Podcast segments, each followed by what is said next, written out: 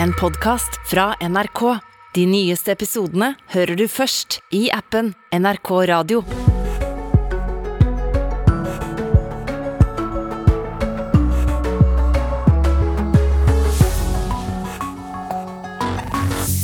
Over 20 år etter terrorangrepene i USA 11.9.2001 sier amerikanske myndigheter nå at de har drept en av hovedmennene bak terroren.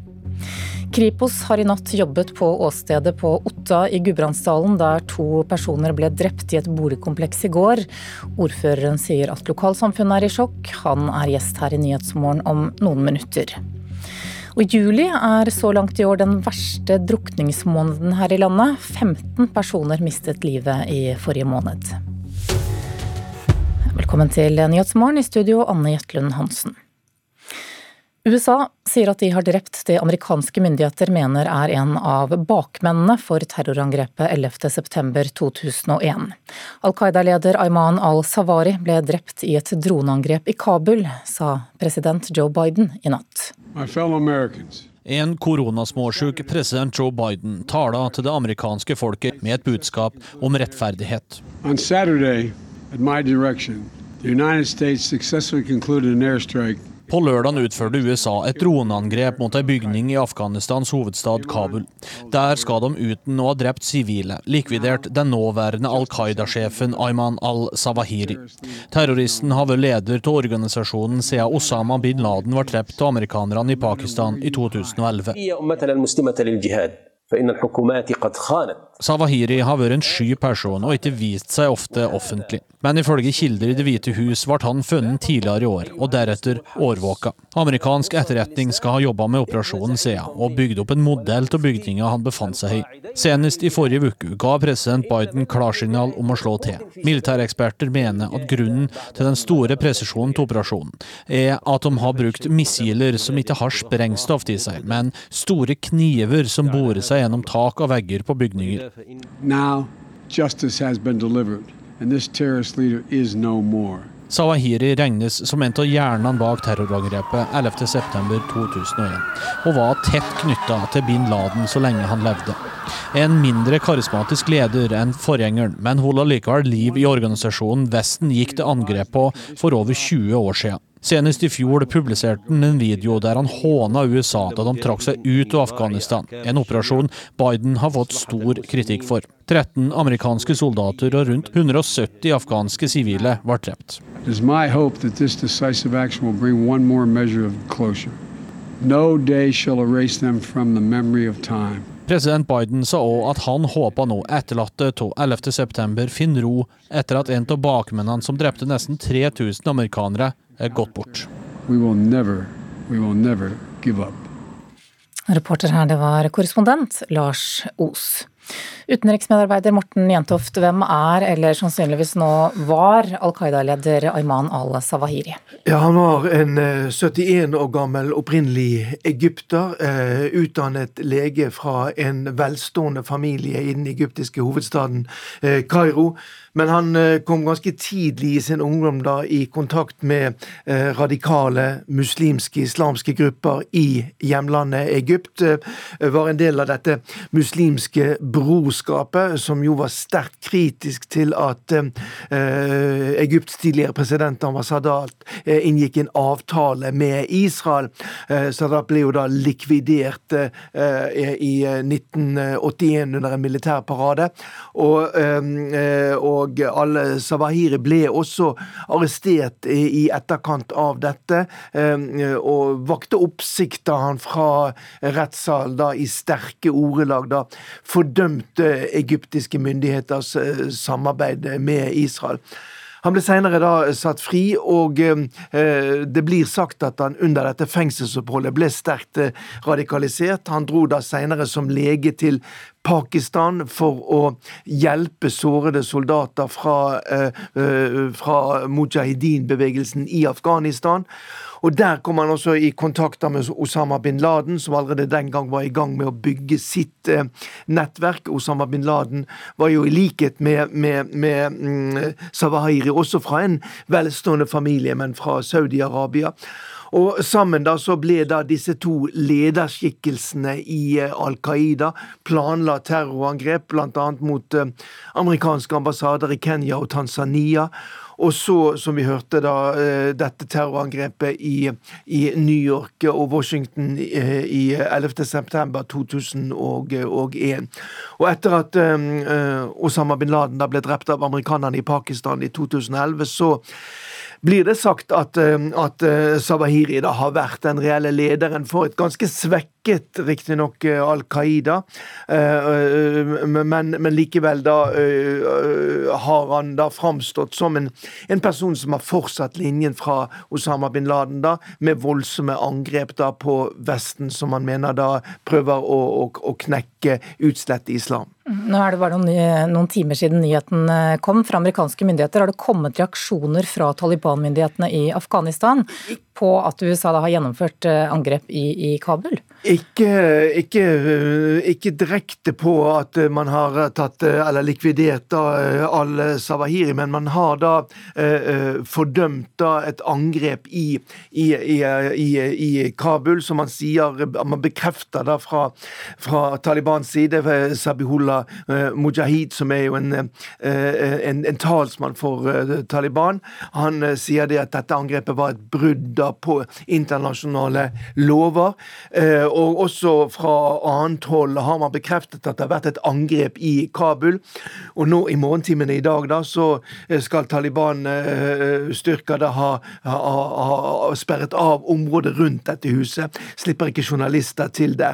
Sånn at uh, man bekrefter jo at det har vært et angrep, men ikke at, at Ayman al-Sawahiri har blitt drept. Takk skal du ha, utenriksreporter Morten Jentoft, og vi følger selvfølgelig med på om det kommer flere reaksjoner i løpet av morgenen.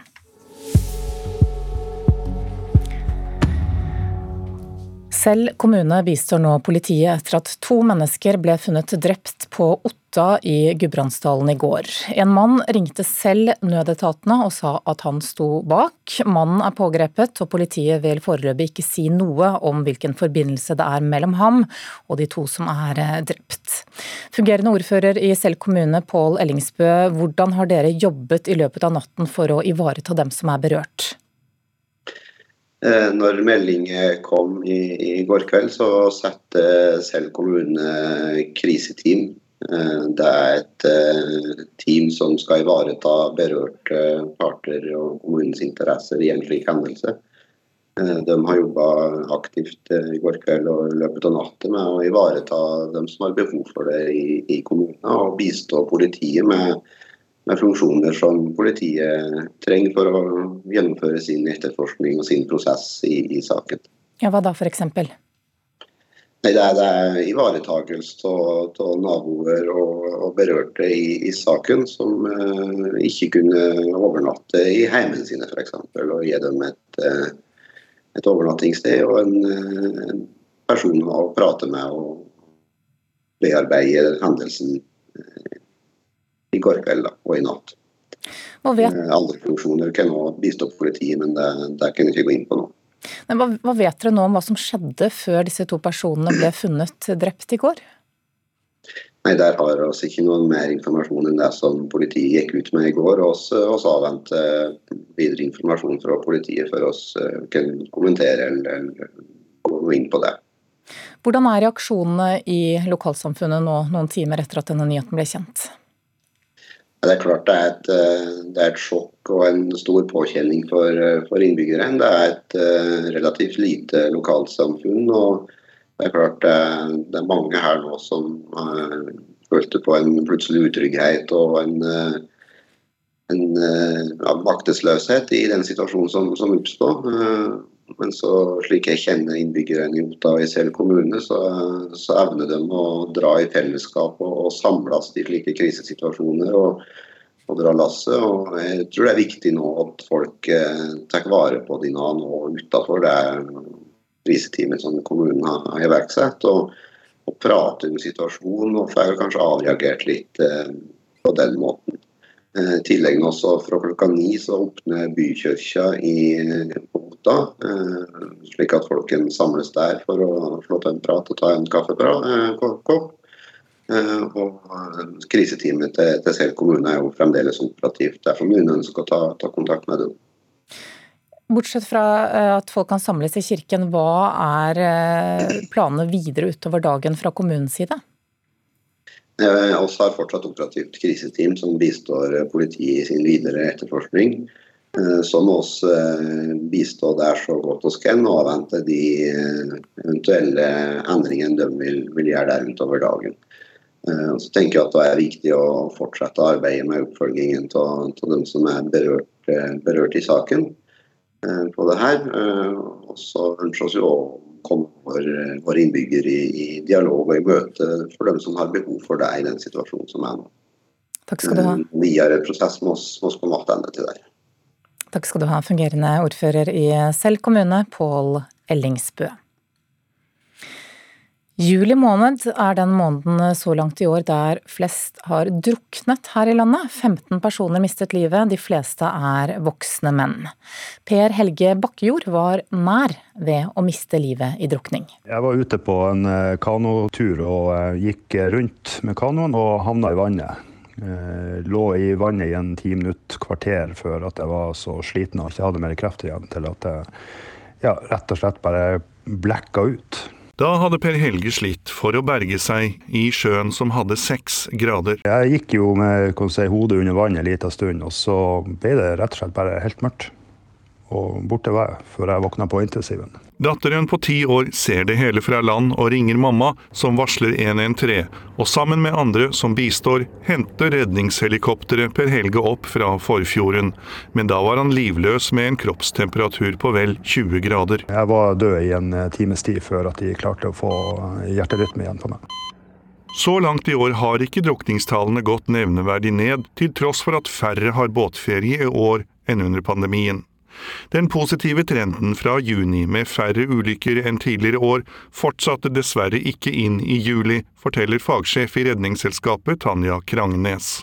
Sommeren er jo den tida vi er mest rundt vann og i vannet og på vannet, rett og slett. Så det er nok en eh, stor forklaring eh, der. Fall fra båt er den type ulykke der flest drukner, men det er ikke bare til sjøs at folk drukner. Både i basseng, i vann og folk på tur langs vann og sjø mister livet i drukning.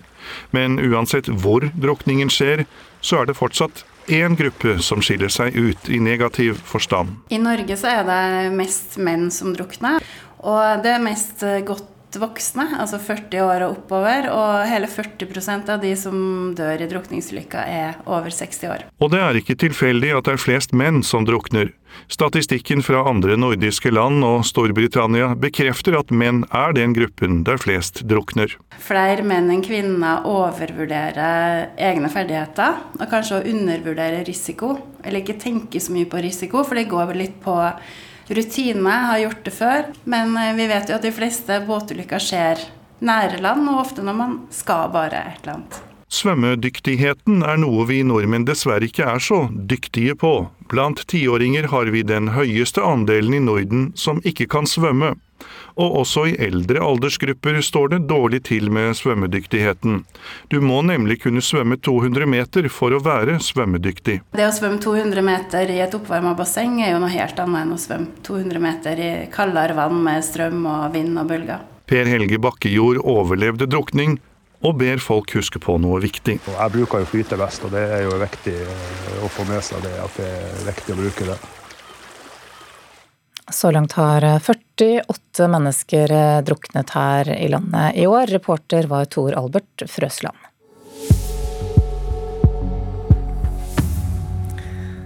Klokka passerer 17 minutter over sju akkurat der. Dette er hovedsakene våre. USA sier at de har drept de amerikanske myndigheter mener er en av bakmennene for terrorangrepet 11.9.2001. Al Qaida-leder Ayman al-Sawari ble drept i et droneangrep i Kabul, ifølge president Biden. Selv kommune bistår nå politiet etter at to mennesker ble funnet drept på Otta i Gudbrandsdalen i går. Og følg oss videre, det nærmer seg studiestart for mange. Om lag 17 000 studenter står i kø for å få studentbolig, ifølge Samskipnadsrådet.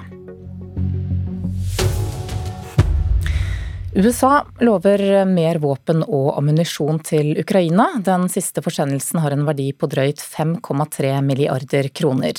Ifølge en talsmann for USAs nasjonale sikkerhetsråd dreier det seg om mobile rakettsystemer, kjent som HIMARS, og i tillegg store mengder artilleriammunisjon.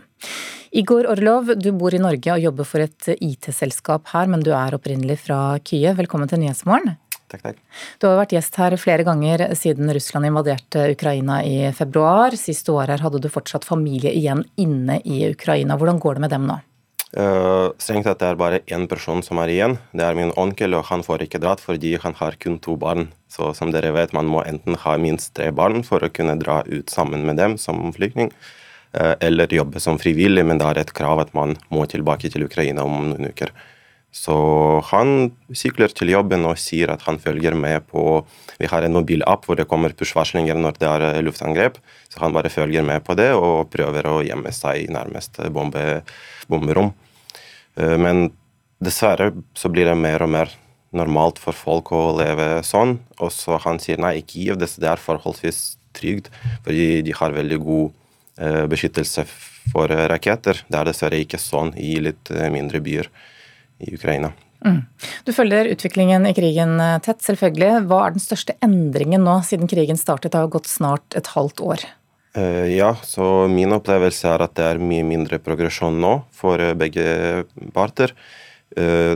Takket akkurat det du nevnte nå, at vi fikk disse rakettsystemene fra USA, så kan vi også skyte deres våpenlagre på ganske lang avstand bak fronten. Så det, da sliter de veldig med med å få, ny, med å få inn nye raketter. Uh, men dessverre det blir like mange mennesker som, som blir drept. og jeg merker også Russ, Russland de er litt mer desperate nå, fordi de ikke får Det er fortsatt noen byer i Donbas-fylket som de ikke har tatt. Så de begynner å bli desperate, og det skjer mer og mer grusomme ting, som når de har drept 50 krigsfanger, eller um, dere så den videoen, eller håper ikke så den videoen med en kastrert ukrainsk soldat som Aftenposten snakket om i går. og ja, Det skjer veldig skumle ting nå. Så dessverre blir vi mer og mer vant til det. Som ok, barn ble voldtatt. Det har vi hørt fra før. så ja, og Det kommer jo informasjon fra begge sider her, så alt er vel kanskje ikke verifisert heller. Eh, hva gjør det med deg å sitte her i Norge da, og, og følge situasjonen? Jeg prøver å gjøre som sagt det jeg kan, men man blir stadig deprimert pga. det, så det påvirker selvfølgelig livet mitt. og håper bare på at når krigen er over, så skal vi ha en skikkelig stor fest her. Men eh, jeg prøver å donere penger til de som trenger det, som jeg, diverse poster som jeg treffer på sosiale medier, og ja, gi mer info til de jeg kjenner. Men jeg føler at jeg ikke kan gjøre så mye, dessverre. Mm. Hva er det du er mest redd for? Russland har veldig god tid uh, på seg. De, det haster ikke for dem hvis de okkuperer hele landet i løpet av tre-fire år. Det har skjedd for akkurat 100 år siden, da vi først ble uavhengige i 1918. og Da kom Sovjetunionen, og gradvis tok de hele landet. Det er det jeg er mest redd for, at sanksjonene ikke virker godt nok. og så at Russland vil okkupere Ukraina før sanksjonene virkelig begynner, før deres økonomi kollapser helt. Er det noe nå som gir deg grunn til håp? Eh, støtte vi får fra mange land, inkludert USA, Storbritannia, ikke minst Norge også, så får vi flere mer våpen, så er det håp at vi kan få tilbake de territorier vi har mistet, pluss uh, alder til Putin. Så er, jeg har ikke håp på demonstrasjoner i Russland eller at folk skal ja, gå ut eller fjerne ham. Nei. Jeg mener at dette systemet fungerer veldig godt, men han er 70, og så ser ut som at han blir mer og mer syk. Så får se. Hvis han dør, så kanskje det blir endret. Ok, Vi får se. Igor Orlov, takk for at du kom hit til Nyhetsmorgen. Spenningen mellom Kosovo og Serbia har blusset opp igjen. Barrikadene som ble satt opp på to grenseoverganger mot Serbia i helgen er nå fjernet, men Nato har sagt at alliansen følger nøye med på situasjonen.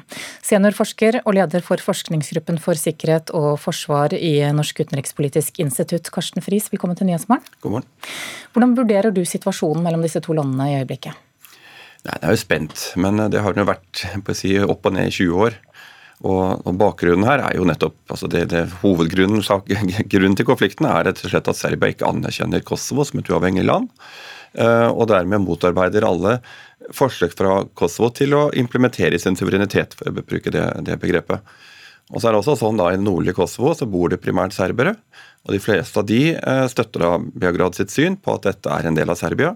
og Da vil jo ikke de ha masse restriksjoner på grensa når de skal reise inn i Serbia. Eh, så, så de har, prøver selvfølgelig å motsette seg en, en, en, en regulær grensekontroll, eller grensesystem, som man har i, i, i andre land. Ja, det, som, det som har ført til bråk nå, er disse nye reglene som skulle innføres fra i går. Riktig. Og Det er litt sånn teknisk, tenker jeg ta, ta det på det, men det handler litt om bilskilt og, og ID-kort og slike ting. Og Dette har man da forhandlet om i, i mange år, om at det skal gjøre mest mulig enkelt for befolkningen å, å, å, relatere seg og flytte seg mellom disse to landene, eh, selv om man ikke man anerkjenner eller Serbia anerkjenner Kosovos uavhengighet. Eh, og nå, og nå da, Prinsippet til regjeringen i Kosovo er jo at dette skal være gjensidig. Så når Serbia innfører ting for Kosovo, så skal Kosovo innføre tilsvarende for, for Serbia. Eh, og det det handler om her, da, bilskilt og sånne ting, at man ikke kan kjøre inn og ut og være lenge i Kosovo med, med bilskilt. Men igjen, eh, altså det er liksom prinsippet om suverenitet for Kosovo, det koker ned til. Mm. Påvirker krigen i Ukraina konflikten mellom Kosovo og Serbia nå? Ikke, ikke, direkte, men, men eh, eh, Serbias største støttespiller er jo Russland her i Sikkerhetsrådet. De, de har jo aldri anerkjent Kosovo som uavhengig stat. Eh, og, og Derfor har også Russland hatt en sterk rolle i Serbia i de 20 år, men mer og mer de siste årene. Nåværende regjeringen er ganske tett på, på, på, på Russland altså den serbiske regjeringen. Mens Kosovos regjering er jo tydelig på vestlig side her. sånn at eh, Du får liksom denne, dette spennet også oppi, oppi den konflikten, men, men, men det, påvirker det, påvirker det, nok ikke direkte. vil jeg si. Mm, men Hva skal til da for at det, at det kan bli en, en, et slags stabilt, varig, fredelig forhold? Nei, det er en løsning selvfølgelig på spørsmålet om Kosovos legale status. Nå er det alle vestlige land utenom fem EU-land anerkjent Kosovo som et uavhengig land, så, og Norge er et av de. Eh, så det enkleste hadde jo vært om, alle var enige om det. Hvis ikke man er det, så er det alle de, prakt de praktiske løsningene for å gjøre livet enkelt. Altså Der handler det om, om, om toll, om, om, handel, om diplomer på universiteter. Alt det som gjør at livet blir greit å leve for menneskene som bor der. Det er det man kan bøte med hvis ikke man blir enig om det store spørsmålet. Mm, men hvordan er det å bo i, i dette området nå, i dette grenseområdet f.eks.?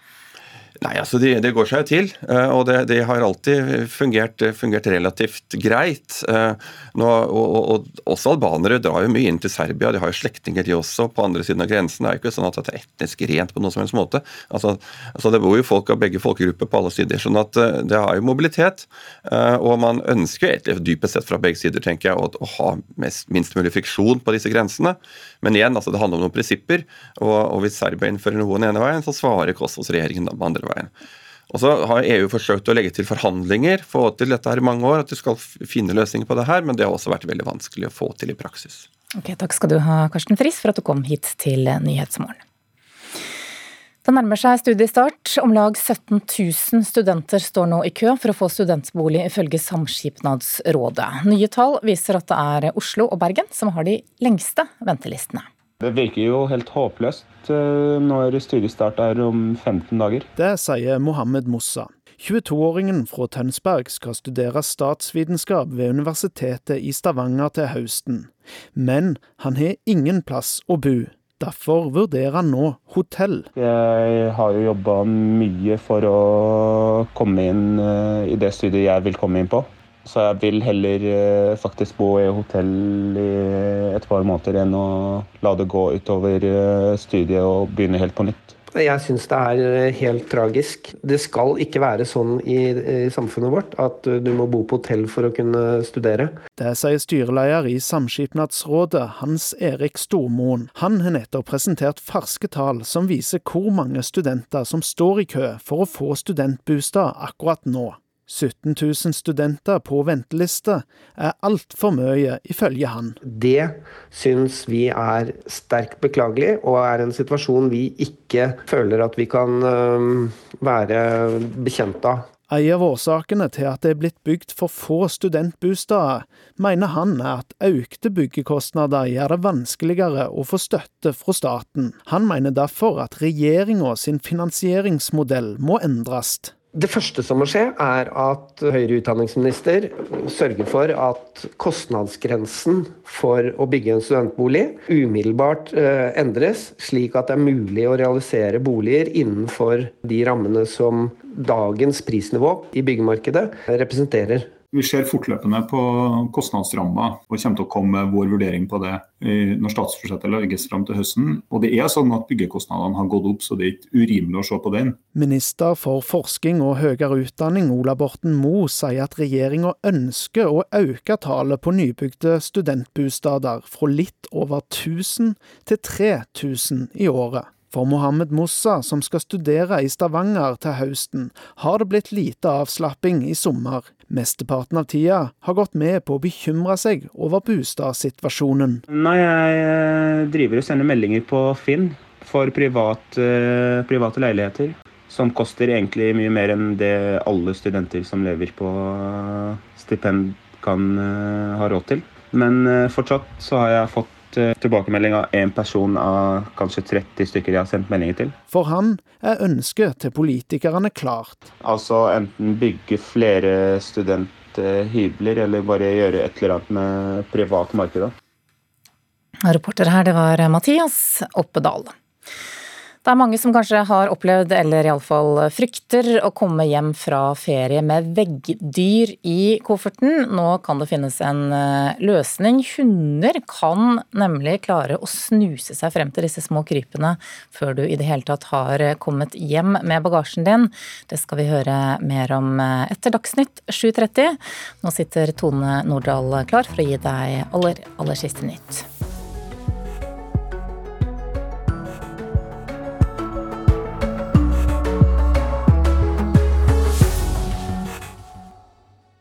En podkast fra NRK. Du kan også høre på Berrum og Beyer snakker om greier, hvis du vil. Ja, det er jo en podkast, veldig enkel sådan. Eh, Tretrinnsrakett. Jeg, Lars Berrum, snakker om noe greier. Eh, Martin Beyer-Olsen snakker om noe greier. Og så tar vi deres greier, og så mm. prøver vi å gjøre det best mulig ut av det. Vi er egentlig bare to enkle venner som eh, ønsker oss en til, ja. og det kan jo være deg. Vi håper at du vil. Berrum og Beyer snakker om greier hører du først i appen NRK Radio. Kripos er på plass på Otta etter dobbeltdrapet i går. USA bekrefter at de har tatt livet av en Al Qaida-leder. Og tusenvis av studenter leter nå etter et sted å bo. Det virker jo helt håpløst eh, når studiestart er om 15 dager. God morgen. Dette er saker det blir mer om i denne sendingen fra NRK Dagsnytt. Klokka er 7.30. Kripos er altså på plass etter at to mennesker ble funnet drept på Otta i Gudbrandsdalen i går. En mann er pågrepet etter at han selv ringte politiet om det som hadde skjedd. Drapene er et sjokk for folk i kommunen, sier fungerende ordfører Pål Ellingsbø. Det er klart det er, et, eh, det er et sjokk og en stor påkjenning for, eh, for innbyggerne. Det er et uh, relativt lite lokalsamfunn. og det er klart det er, mange her nå som følte på en plutselig utrygghet og en, eh, en eh, ja, maktesløshet i den situasjonen som, som oppstod. Eh, I tillegg også fra klokka ni så åpner bykirka i Otta, slik at folk kan samles der. Reporter, reporter Runar Henriksen Jørstad, du er med oss fra Otta. Hva er siste nytt om dobbeltdrapet nå? Ja, Der ser det ut til at vi ikke har kontakt med reporteren vår der. Vi skal nå høre at USAs president Joe Biden bekrefter at Al Qaida-lederen Ayman al-Sawahiri er drept i et droneangrep i Kabul. Ayman al-Sawahiri var anklaget for å ha vært med på å planlegge terrorangrepene i USA 11.9.2001. Biden sa på en pressekonferanse i natt at det var USA som tok livet av ham. My fellow Americans, on Saturday at my direction, the United States successfully concluded an airstrike in Kabul, Afghanistan, that killed the emir of Al Qaeda, Ayman al Zawiri. Utenriksmedarbeider Morten Jentofte, hvilke reaksjoner kommer på drapet nå fra afghanske myndigheter? Ja, øh, flere talspersoner for Taliban-myndighetene i Afghanistan bekrefter at det har vært et øh, angrep tidlig søndag morgen, da afghansk tid. En representant for Innenriksdepartementet sier det at et hus i bydel Sherpour ble truffet, men at huset var tomt, sier han. Så man har ikke fra afghansk side bekreftet at, at at, eh, at, eh, at alle ja, Savahiri er, er, drept. Men det er jo helt tydelig at det har vært et angrep, da, et målrettet angrep i den afghanske hovedstaden.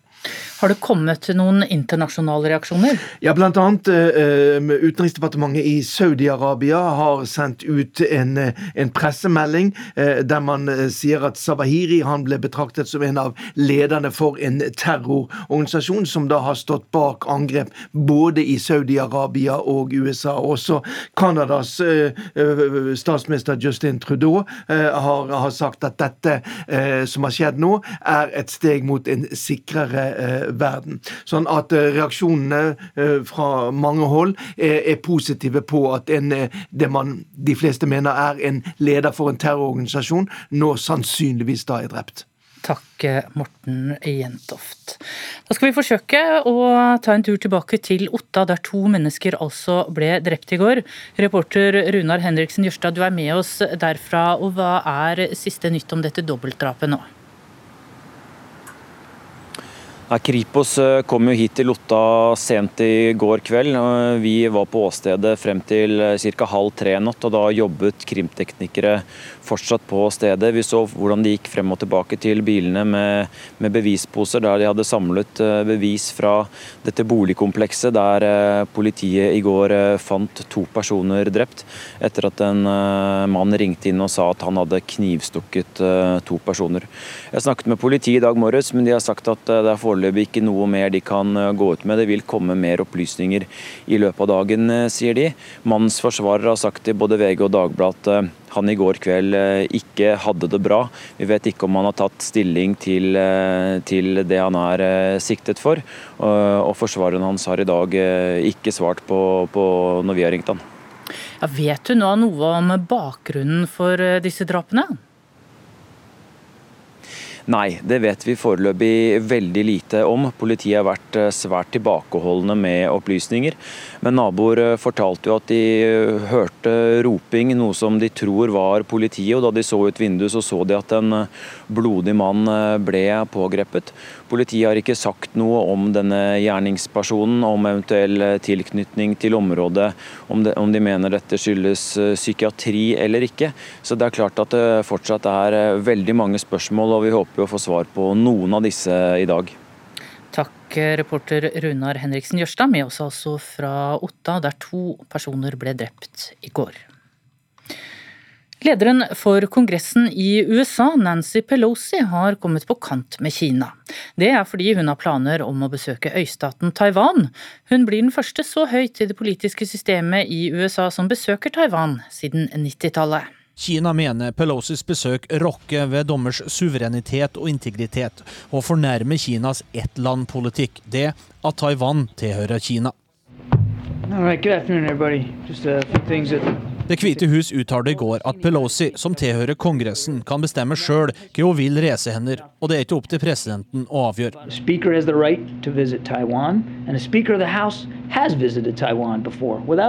Biden har sagt at tidspunktet for et besøk kanskje ikke er nå, men generalene i Pentagon har fraråda henne om å gjennomføre det.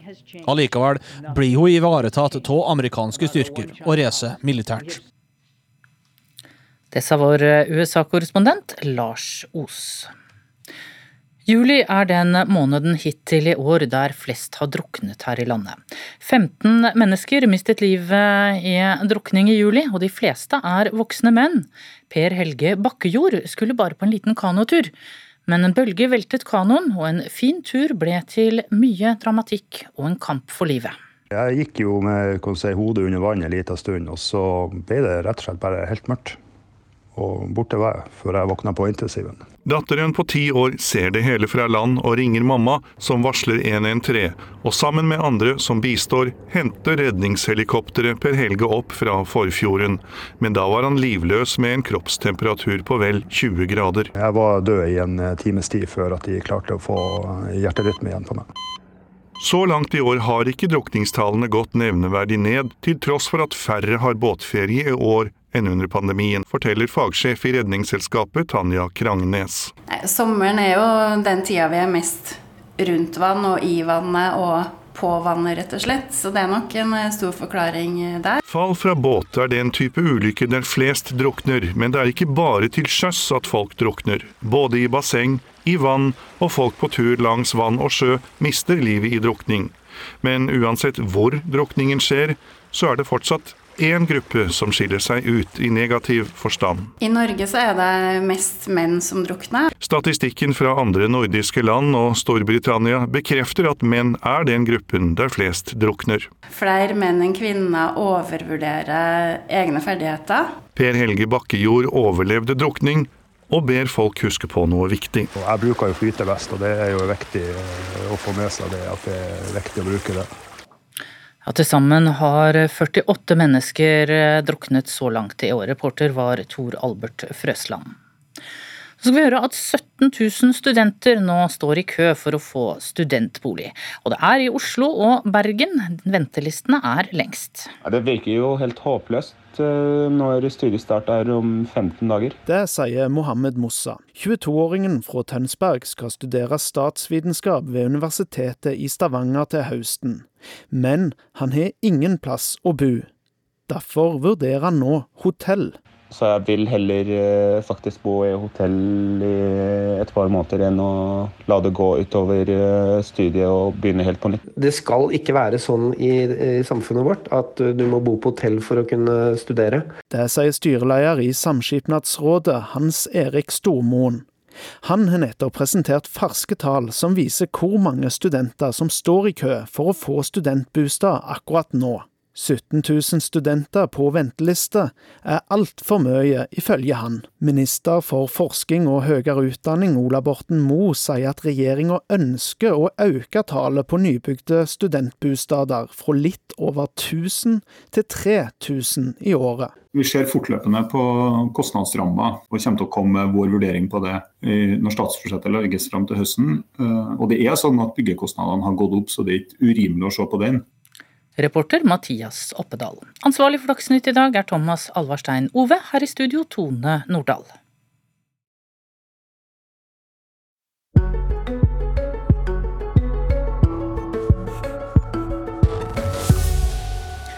Klokka er 7.40 nå. Du lytter til Nyhetsmorgen i NRK. Mange har opplevd, eller kanskje iallfall vært redd for, å få med seg veggdyr i kofferten hjem fra ferie. Men denne uken så kan du få hjelp. En firbeint ekspert greier nemlig å snuse frem de små krypene før du i det hele tatt har greid å komme hjem. Sånn, ja. Så bra. Der. Ja, søk. Ingenting. Da kan ferden gå trygt videre. Hunden Andrea snuser iherdig på kofferten til en reisende. Han er en av mange som velger å få sjekket kofferten sin gratis for veggdyr på Gardermoen. Heldigvis fant ikke Andrea veggdyr i denne kofferten, men ikke alle er like heldige. Ja, vi hadde påvisning i første familien som var innom i dag tidlig. Der fikk vi markering på én koffert. Det sier Tor Iljar, daglig leder i Dogpoint. Han er en av få i Norge som har trent opp hunder til å finne veggdyr. Denne uka står han på stand på Gardermoen sammen med Storebrand. Der får reisende tilbud om en gratis veggdyrsjekk av hunden Andrea. Det er veldig effektivt, og det er jo, det er jo eh, I og med at veggdyr kommuniserer jo med, med lukt, og da er det et par-tre veggdyr i en koffert, så har jo de allerede sendt ut lukt i kofferten som det hun vil merke. Mens hadde vi bladd gjennom kofferten manuelt for å prøve å finne de, så hadde det vært eh, griseflaks som vi hadde funnet dem. Årlig blir det meldt inn om lag 3000 saker som går på veggdyr til forsikringsselskapene. Det er et eh, problem når det er sesong sånn som nå, når folk er ute og reiser. Det er jo ofte på hotellrom der det er et stort eh, gjennomtrekk av forskjellige folk som er. Da får man med seg sånne dyr hjem. Eh, og da det jo, kan det bli skader i etterkant der.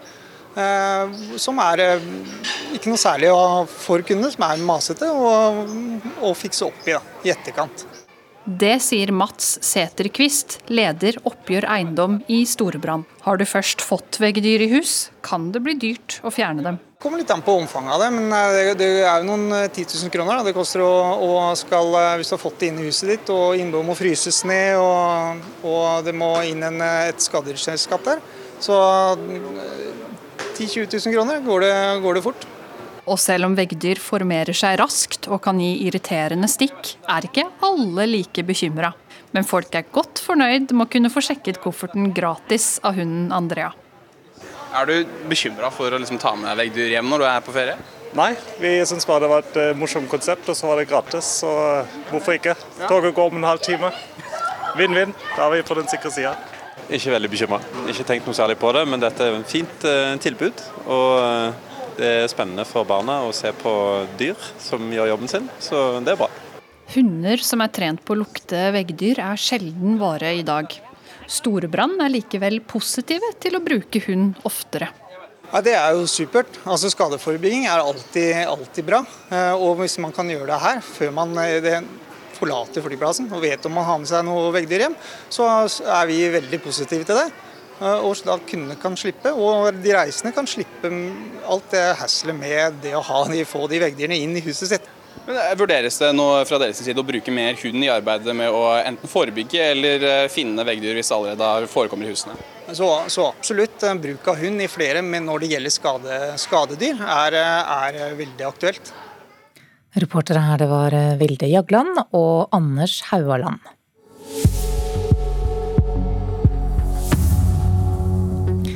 Klokka har passert 7.44 nå. Du lytter eller ser på Nyhetsmorgen i NRK. Dette er hovedsakene våre i dag.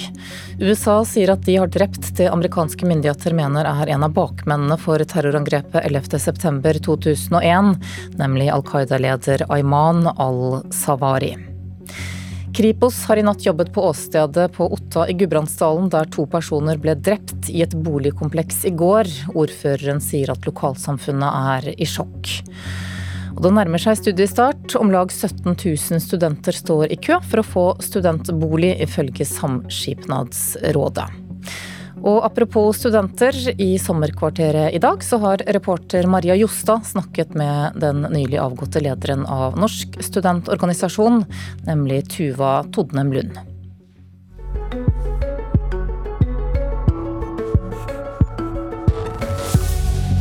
Jeg heter Tuva Todnem Lund. Jeg er 26 år gammel og jobber som leder for Norsk studentorganisasjon, forkorta NSO. Det er en interesseorganisasjon for omtrent en kvart million studenter i hele Norge. Hvordan påvirkes ferien din i år av både pandemi og krig? Det er klart at både pandemi og krigen setter jo ting i perspektiv. Jeg tror gjennom pandemien spesielt at jeg har blitt veldig god på å bruke de tingene jeg har hatt i nærområdet, og har vært mye, vært mye hjemme, vært mye i skogen og i nabolaget. I ferien i år så reiser jeg til Tanzania. Jeg skal jobbe på en internatskole for jenter i fjellene i Tanzania og gleder meg veldig til det. Så det er, eh, har egentlig ikke noe med verken pandemien eller krigen å gjøre. Hva er ditt beste tips til en studentvennlig ferie? En studentvennlig ferie må jo være noe som er eh, veldig billig. Studentøkonomien er jo ikke spesielt bra. Um, tenker det viktigste er å Det har vært sagt så mange ganger gjennom pandemien, så jeg føler det er veldig klisjé å si det på nytt, men det å ta vare på det man har rundt seg, ta vare på nærområdene sine og ta vare på de vennene man har, man har, rundt seg, og være flink til å bruke det. Være flink til å gå turer og finne på noe nytt hver dag. Og det er veldig mye å utforske uansett hvor i Norge man bor. Å finne på ting med forskjellige venner og bli kjent med nye på, på studiestedet eller hjemme. På starten av pandemien i fjor, jeg, eller i 2020, jeg har bursdag i starten av april, så da fikk jeg en hengekøye av søsteren min i bursdagsgave med en gang pandemien hadde begynt. Og den hengekøya brukte jeg masse gjennom pandemien, og det, det har vært et sånt fristed. Når jeg starta sent en dag eller hatt helger og den type ting, og kunne dra ut i skogen i nærområdet med hengekøya og bare ta en natt ute. Det jeg setter veldig pris på å kunne oppleve noe helt annet og kunne ta en natt i hengekøya. Men selv om ferien til Lund ikke preges i stor grad av krigen, så har krigen i Ukraina gjort sterke inntrykk på henne. Hvor var du 24. februar da Russland invaderte Ukraina? 24. februar var jeg hjemme. Jeg hadde en venninne som akkurat hadde fått seg jobb i, i TV 2 i, som journalist. Og eh, hun hadde akkurat gått av eh, Eller hun hadde dagvakt. Og jeg husker hun ringte meg på vei hjem fra jobb eh, og hadde på en måte hadde hatt alle de inntrykkene man har som journalist når man setter seg inn i en konflikt og det fra det perspektivet. Og husker at jeg leste nyhetene og, og syntes ting var veldig skremmende. Jeg ting var veldig skummelt. Jeg var hjemme den dagen. Hvordan har krigen påvirket arbeidet ditt som leder av NSO? Krigen har påvirket norsk eh, høyere utdanning, både universiteter og høyskoler. Vi har eh, ganske mange studenter i Norge som har bakgrunn fra både Russland, Ukraina, Hviterussland, og vi har også mange ansatte på norske utdanningsinstitusjoner som har tilhørighet til, til områdene. Eh, det er også forskningsprosjekter som foregår mellom land og, og den type ting. Og så hadde vi jo noen, studenter som var, noen norske studenter som var på utveksling i de områdene. Så for oss var det viktig å ivareta alle grupper fra, fra tidlig i krigen.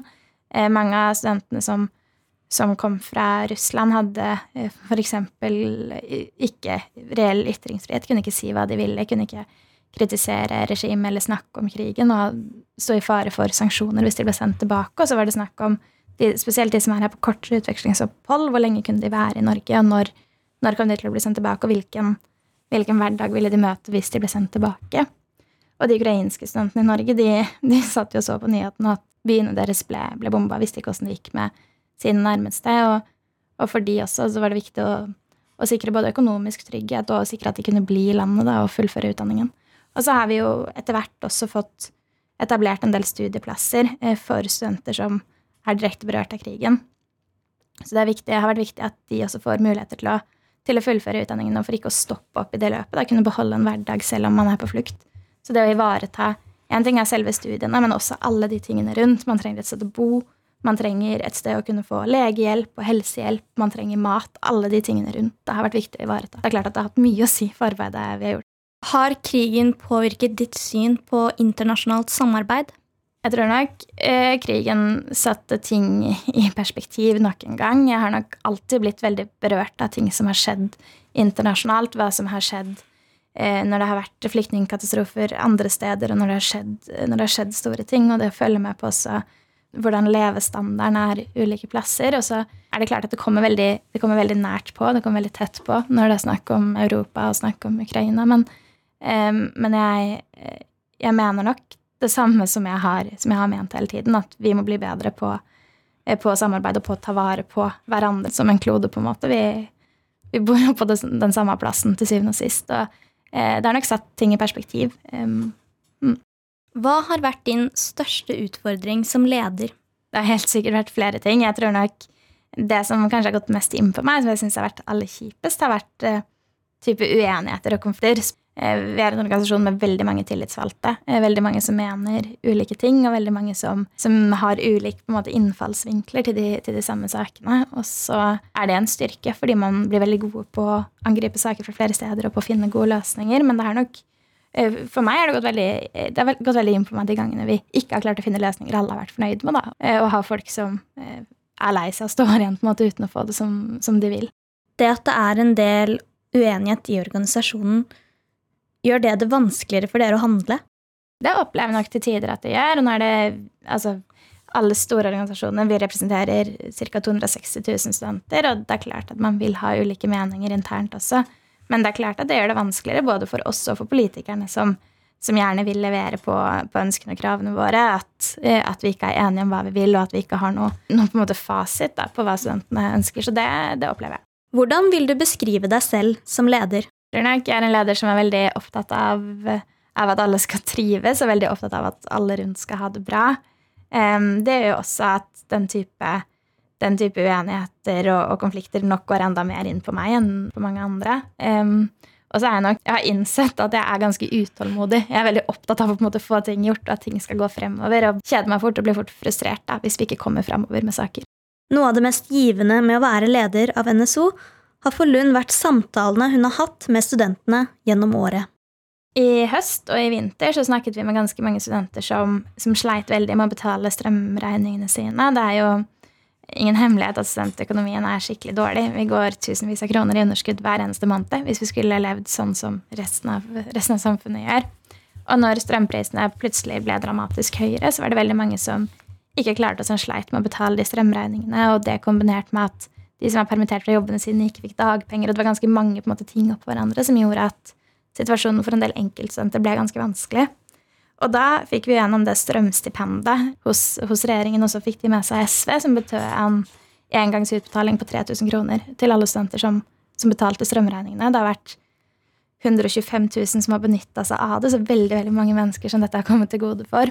Og da fikk jeg noen meldinger um, med en gang på en måte dette ble klart, av, av studenter som var som fortalte måte hva det betød for dem, og, og, hvor viktig det var. da. Og det var veldig veldig givende. Det å se at jobben vi gjør, faktisk har konkret innvirkning og gjør folks hverdag bedre. Det syns jeg var veldig gøy.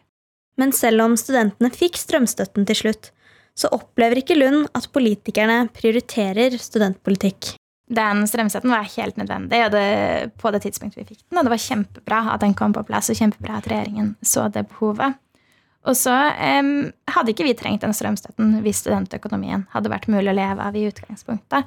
Da hadde også studenter klart den, klart den ekstra regninga strømmen ble. Eh, problemet her er jo studentøkonomien. Og det at, det at, politikerne valgte å levere på strømstipendet uten å levere på studiestøtten. Og de, Norsk studentorganisasjon har hatt det samme kravet på studiestøtten i 13 år, eller noe sånt, og vi kommer ikke nærmere. Nå, nå synker det enda mer i år. Så det at, det at, vi er helt avhengig av den type ekstra kompensasjon for å dekke helt basale utgifter, det beviser at politikerne ikke prioriterer oss. Og så var det helt nødvendig og veldig bra at vi fikk den strømpakken da. En av fanesakene til NSO er å øke studiestøtten til 1,5 G, altså 1,5 ganger grunnbeløpet i folketrygden. Er kravet realistisk? Det mener jeg absolutt at det er. De fleste av de som er politikere nå, eh, hadde studiestøtte på rundt 1,5 G da de selv studerte. Både, både Jonas Gahr Støre og Trygve Slagsvold Vedum hadde studiestøtte rundt det nivået da de selv var studenter. Elleve måneder i året får studentene litt over 11 500 kroner å leve for i dag. Å øke studiestøtten til 1,5 G betyr i praksis at studentene får rundt 3500 kroner mer i måneden, som i løpet av studieåret vil tilsvare rundt 38 000 kroner ekstra. Det betyr at studentene fortsatt må jobbe deltid hver eneste måned for å få det til å gå rundt, hvis vi skal leve sånn som, sånn som regjeringens eget utregningsselskap SIFO sier at et gjennomsnittsmenneske gjør. Um, og det betyr også at vi lever langt under fattigdomsgrensa fortsatt. Så det betyr bare at vi kommer litt nærmere å kunne leve sånn som alle andre. Og så er det viktig å understreke at eh, det aller meste av studiestøtten er jo et lån, og så er det en bit av det som er stipend. Så det at man skulle hevet studiestøtten, ville jo først og fremst vært å gi et større lån da, til en stor gruppe mennesker, og de pengene blir jo betalt tilbake.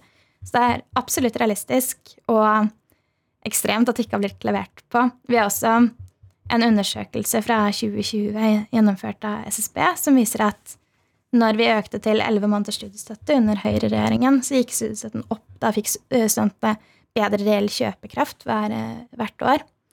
Og da gikk også gjennomføringen eh, dramatisk opp. Det var flere som klarte å fullføre studiene til normert tid, og flere på en måte klarte å stå og komme gjennom studieløpene sine. Og det viser jo at vi vet at åtte av ti studenter jobber deltid ved siden av studiene sine. Det er veldig mye, og veldig mange av de jobber veldig mange timer i uka, sånn at det går på bekostning av tiden man har mulighet til å studere. Så ikke bare er det realistisk, det er også samfunnsøkonomisk og helt nødvendig. Vi møter Lund i juni måned og da er hun snart ferdig i jobben som leder av Norsk studentorganisasjon, NSO.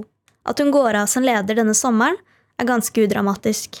Det er helt vanlig at lederen av NSO bare sitter ett år av gangen. Ja, jeg går av fordi vi velges av landsmøtet, vi som er arbeidsutvalget eller styret i organisasjonen. Så jeg ble valgt på landsmøtet i slutten av april for et år siden, og har nå sittet fra 1. juli og sitter til 1. Eh, juli i år også. Så det har vært planlagt hele veien at jeg skal gå av nå. Pandemien førte til store endringer i studentenes liv. Fra å møtes i fulle forelesningssaler på campus ble studentene henvist til digital undervisning i hybler og kollektiv. Selv om pandemistudentene rapporterte om lavere undervisningskvalitet, så mener Lund at dette er godt kvalifiserte studenter. De studentene som har, som har studert gjennom pandemien, har jo hatt en helt annen hverdag enn de som studerte før pandemien. Karakterene under pandemien har jo gått opp. Det er flere som gjennomfører med bedre resultater. Eh, samtidig så viser undersøkelser at studentene som har studert gjennom pandemien, har brukt mer tid på egenstudier og mindre tid på organiserte læringsaktiviteter som gruppearbeid og den type ting. Så studentene som, som har studert og som har gått ut gjennom pandemien, er absolutt godt kvalifiserte studenter. Og så sitter de de har jobba på en helt annen måte og har nok også opparbeida seg andre verktøy for å gjøre arbeidet enn det de som studerte før pandemien har gjort. Så du oppfordrer arbeidsgivere til å ansette pandemistudentene? hvis man vil ha selvstendig gode arbeidstakere som, som vet hva det betyr å, eh, å sitte og jobbe og, og, sitte og jobbe mens det er lite annet som skjer, altså som er villig til å prioritere jobben, så tenker jeg at det er kjempesmart. Åpner pandemien for noen muligheter i akademia og studentliv? Det er klart at Studentbevegelsen hadde jo, hadde jo ropt om en større implementering av digitale læringsverktøy, altså større bruk av digitale verktøy da, i undervisning i mange, mange år.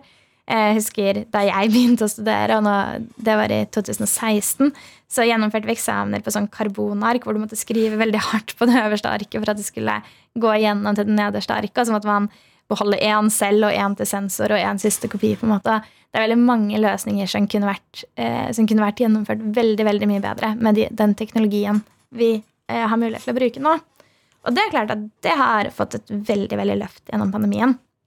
Man har blitt veldig god på både å legge til rette for, for undervisning for de som ikke nødvendigvis er på studiestedet til, til den tiden. Og så mener jeg at det er en ikke like god løsning, men det er en løsning som har fungert i mange tilfeller og mange studieløp.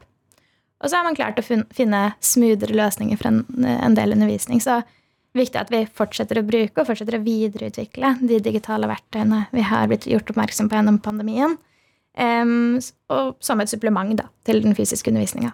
Hvordan tror du det blir å være student det kommende studieåret, altså fra høsten av?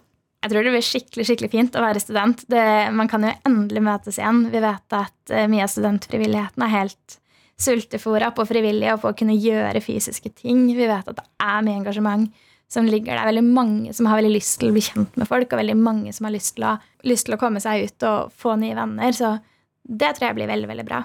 Og så er det jo klart at vi vet at kjøpekraften til studentene blir enda lavere fra høsten av. Eh, vi ser med de prisstigningene som har vært i samfunnet, og eh, spesielt økningen på matvarepriser og den type ting, som, som alle, er å, alle er nødt til å kjøpe mat. Eh, og så går de prisene veldig opp, og da blir det også tøffere å være student rent økonomisk.